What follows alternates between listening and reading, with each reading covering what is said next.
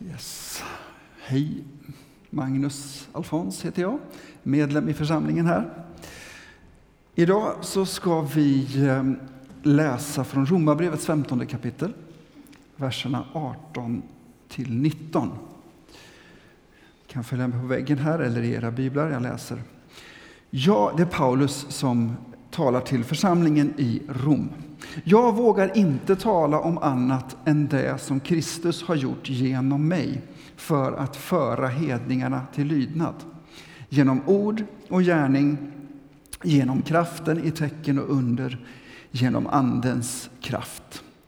Så har jag från Jerusalem och runt omkring ända till Illyrien överallt predikat Kristi evangelium. I sju veckor har vi haft det här temat på våra gudstjänster, goda nyheter. Evangelium som vi läste om här betyder goda nyheter. Eh, Linnea Åberg inledde för sju veckor sedan med att tala om hur vi som gemenskap har sänts dit där vi är för att gestalta de goda nyheterna. Och sen genom veckorna så har Emanuel Bäckryd och våra pastorer Fredrik och Ea eh, visat och talat om vad de goda nyheterna är för någonting. Att de goda nyheterna är berättelsen om Jesus. Att det är Jesus själv som är de goda nyheterna. Vem han är och vad han har gjort. Idag så ska vi titta på hur vi, på vilket sätt vi kan sprida de här goda nyheterna. Eh, och vi tar hjälp av Paulus och den texten som vi just läste. Det första jag vill säga är att jag vet att när vi talar om evangelisation, alltså att, att berätta de goda nyheterna, att dela evangeliet, så kan en del få kramp och det kan kännas kravfyllt. Men Paulus han inleder ju hela den här grejen med att säga att jag vågar inte tala om någonting annat än det som Kristus gör genom mig. Det är inte vi som måste få till det. Det är Jesus som uppenbarar sig och visar sig för andra människor genom oss. Det hänger inte på vår sociala kompetens, tack och lov. Det hänger inte på vår vältalighet och vår skicklighet. Han använder oss och vi är viktiga, men det är han som gör det. Det är Kristus som delar de här goda nyheterna genom oss. Visst är det skönt? Eller? Anden verkar i och genom församlingen, genom oss, för att visa vem Jesus är. Och så går Paulus vidare och beskriver hur det här går till. Hur har det här sett ut i hans liv? Han säger att han har överallt delat och spridit de goda nyheterna om Jesus genom ord, genom gärningar och genom Andens kraft. De tre sakerna. Kommer du inte ihåg någonting annat av predikan idag, så kom ihåg att vi delar evangeliet. Vi, vi visar vem Jesus är med ord och med handlingar och genom Andens kraft. Inte bara ord, inte bara gärningar. Och allt detta, ord och gärning, sker genom Andens kraft. Vi börjar med orden. Hur förklarar vi och hur beskriver vi Jesus med ord? Du och jag är ju inte Paulus och vi kanske inte alla predikar liksom på Areopagen i Aten eller står på stora eh, torg och liksom förkunnar. Det kan man göra, men de flesta av oss gör inte det. Men alla kan använda ord på ett eller annat sätt. Och lyssna nu, jag, jag, tror att de flesta av oss, de allra, allra flesta av oss kommer att använda, kanske redan gör det, eller kommer att använda ord när vi visar vem Jesus är som svar på människors frågor till oss. En del av oss kan vara bra på att liksom styra in en konversation på andliga saker, jättebra. Men de allra, allra flesta av oss kommer att få berätta om Jesus som svar på människors frågor. Det är jag helt övertygad om. Paulus säger på ett annat ställe i Nya testamentet, i Kolosserbrevet, ni måste veta hur ni ska svara var och en. Svara. antyder ju att någon har ställt en fråga. Petrus i sitt första brev pratar om samma sak. Han säger, var alltid beredda att svara var och en som kräver besked om ert hopp. Alltså, det här verkar ju förutsätta då att folk ställer frågor. Det här verkar ju förutsätta att vi lever på ett sätt som väcker nyfikenhet och som väcker frågor. Men det är en annan predikan. Nu tänker vi oss att vi får de här frågorna. Varför tror du ens på Gud? Jag minns jag fick den frågan inte så länge sedan. Och man kan ju bli helt ställd om man inte har tänkt igenom varför jag egentligen tror på Gud. Eller så är det väldigt naturligt att svara. Vad är det du tror på egentligen? Vad är de här goda nyheterna? För, förklara för mig, berätta, vad är det här för någonting? Hur förklarar man på ett lätt sätt vem Jesus är och vad han har gjort? Sist jag fick frågan så gjorde jag så här.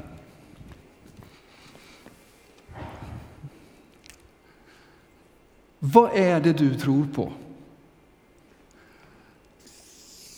Jo, när jag ser på vår värld så ser jag så mycket som är så vackert, som är så underbart. Men jag ser också väldigt mycket som verkar sprucket och trasigt. Allt ifrån klimatkrisen till miljön, till konflikter mellan länder och människor, våld i hemmet, psykisk ohälsa. Jag ser ju brustenheten i mig själv. Det finns mycket som är trasigt i mig. Men jag som kristen, jag tror inte att det här var tänkt så från början. Bibeln beskriver att när Gud skapade universum, hela världen, så präglades allting av hans kärlek. Alla relationer var harmoniska. Relationen mellan Gud och människan var harmonisk. Relationen mellan människa och människa var harmonisk. Relationen mellan människan och naturen, skapelsen, var också harmonisk. Men sen valde människan att vända Gud ryggen och gå sin egen väg. Och det var då som vår värld började gå sönder. När relationen mellan människa och Gud bröts så påverkade det alla andra relationer. Bibeln använder ett lite gammaldags ord för att beskriva det här och det är ordet synd. Synd är inte i första hand att äta godis på fredagen istället för lördagen. Utan det är när människan vänder Gud ryggen. Och det förstör våra liv och vår värld. Det här beskriver Bibeln. Att, och det, det, det, sista som händer så att säga när människan vänder Gud ryggen och relationerna börjar knaka i fogarna och spricka, det är att döden kommer in, alltså att livet går sönder, att livet spricker. Men Gud älskar fortfarande dig och mig, han älskar hela världen. Och han lät det inte förbli så här.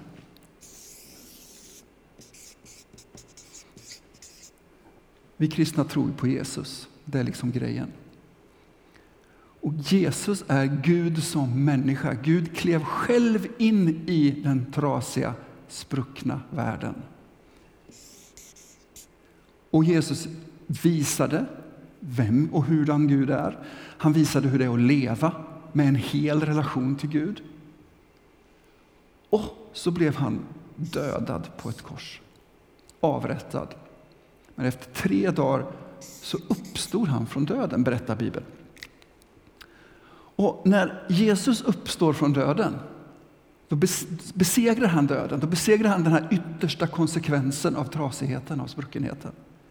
Och då öppnar han genom det en väg för oss tillbaks till en hel relation med Gud. Jesus själv säger att det här händer på riktigt i en människas liv. Alltså hur det här blir en verklighet, det är när vi ett, vänder om tillbaks till Gud. Vi vänder oss mot Gud. Och för det andra följer Jesus. Jesus sa, vänd om, tro på mig, följ mig. Så öppnar sig den här vägen tillbaks till en relation med Gud.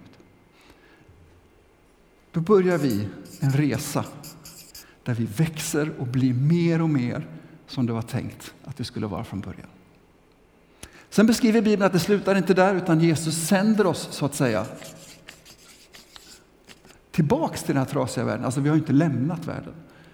Men vi sänds in i den här världen för att, för att demonstrera och visa eh, vem Gud är.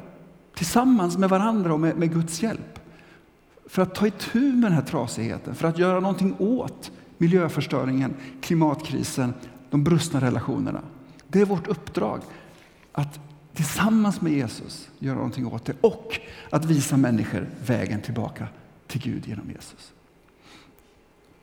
Sen säger Bibeln också att eh, en dag kommer Jesus själv tillbaks på ett synligt sätt till oss för att slutföra det här verket som vi gör tillsammans med honom nu. För att allting 100% ska bli som det var tänkt från början.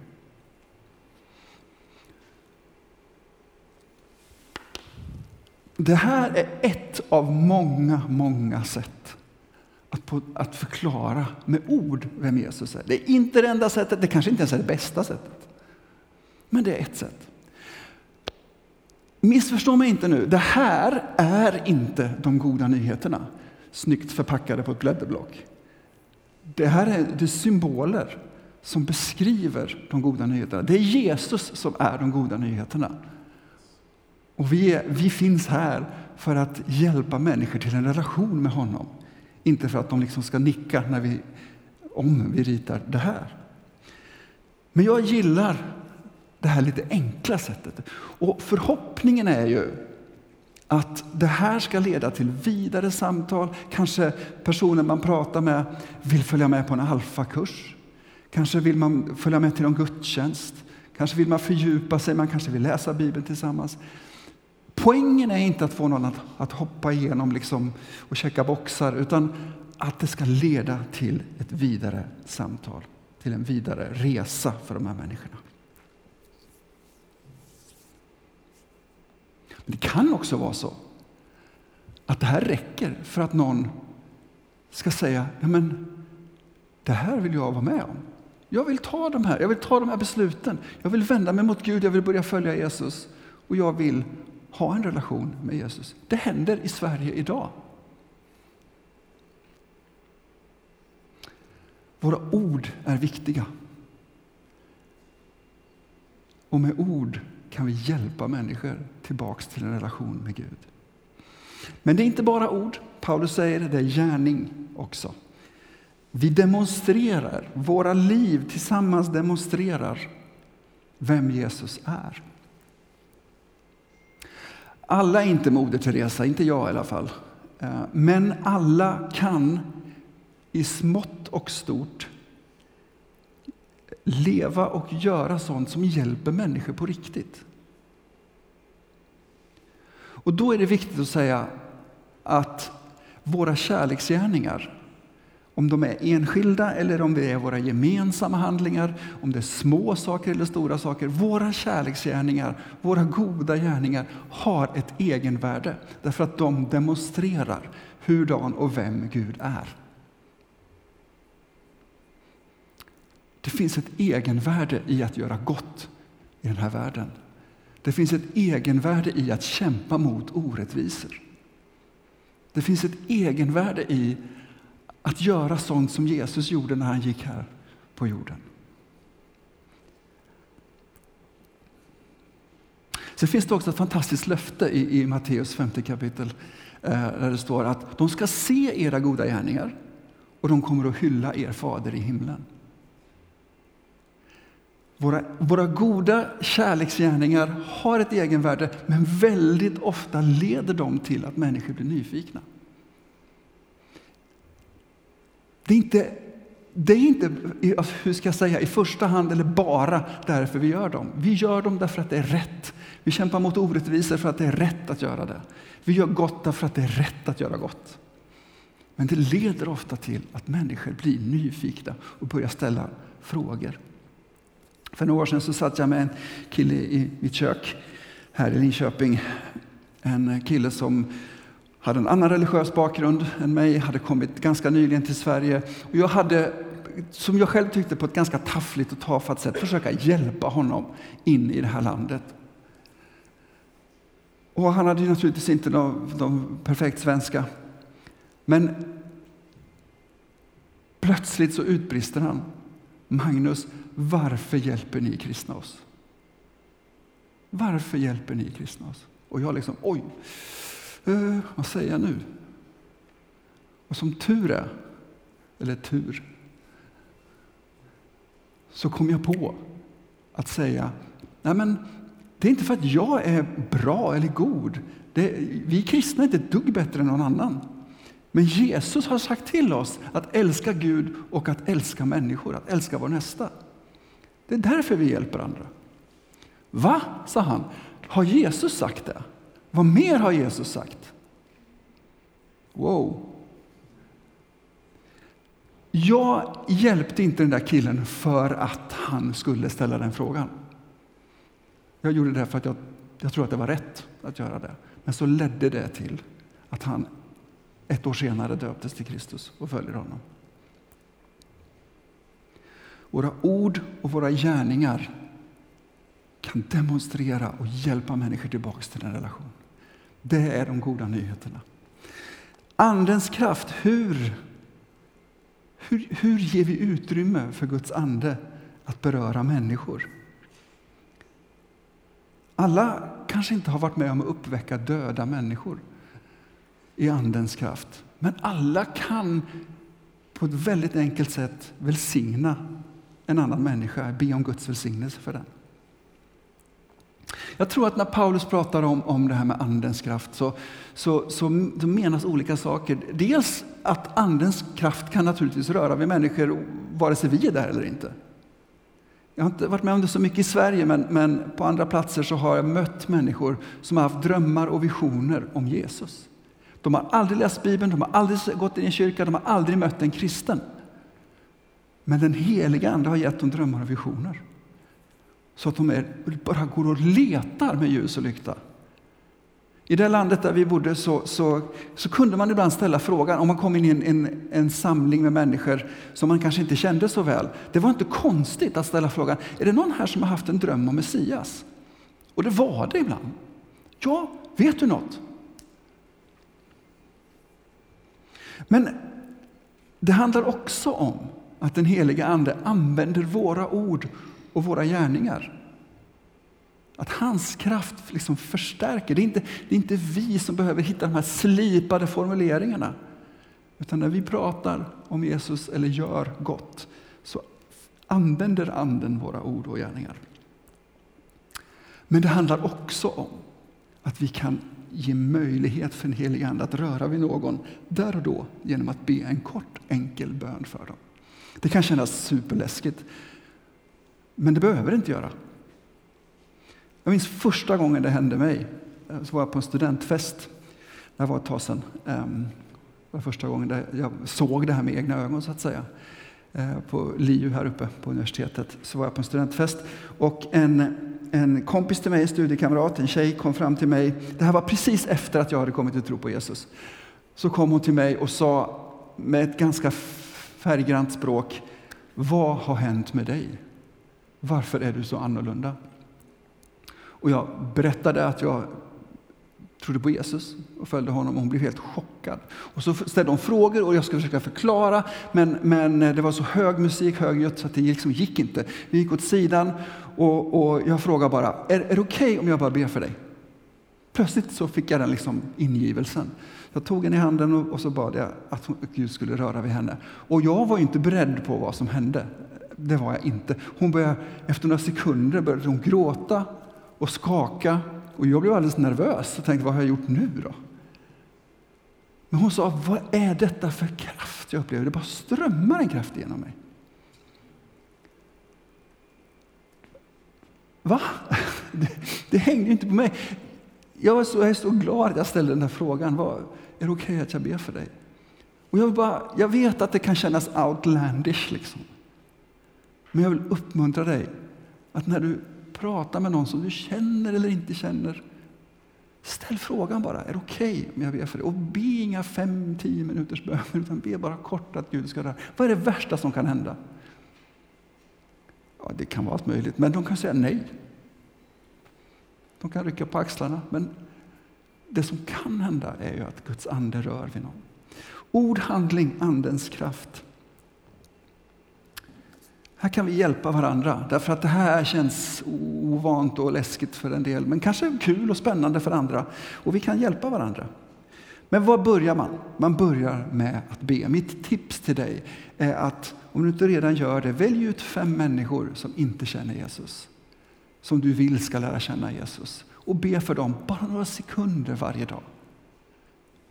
På morgonen, när, om och när du läser Bibeln eller när du borstar tänderna. Eller, ja, nej, det spelar ingen roll. Men att börja be regelbundet för människor som inte känner Jesus. Be att de får ett öppet hjärta. Be att de börjar ställa frågor. Alltså det här är läskigt. Gud svarar på de här bönerna. Och om du börjar be att de här, män, de här fem personerna ska börja ställa frågor, då är det bra att be en tredje sak och det är att du ska vara beredd att svara. Be att du har en öppen mun och är redo när frågorna kommer, för de kommer förr eller senare. Be att du är beredd att i ord, handling och Andens kraft visa dem vem Jesus är. Så be. Och för det andra och sista, prata om det här i cellgrupperna. Prata med varandra om hur kan vi tillsammans och var för sig med ord, med handling och i Andens kraft sprida de goda nyheterna. Det är perfekt att prata om det här i cellgrupperna. Det är tryggt, det är säkert och det är spännande att prata om det i cellgrupperna. Hur kan vi göra detta tillsammans och var för sig? Är du inte med i en cellgrupp och vill vara med i en cellgrupp, hett tips. Eh, prata med, med Eva-Marie eller med Fredrik eller med mig eller mejla till cellgruppsrådet och säg jag är inte med i en cellgrupp men jag vill det. Så ska vi se till att du får komma in i en grupp där du kan dryfta de här frågorna tillsammans. Och kom ihåg vad Paulus sa i början.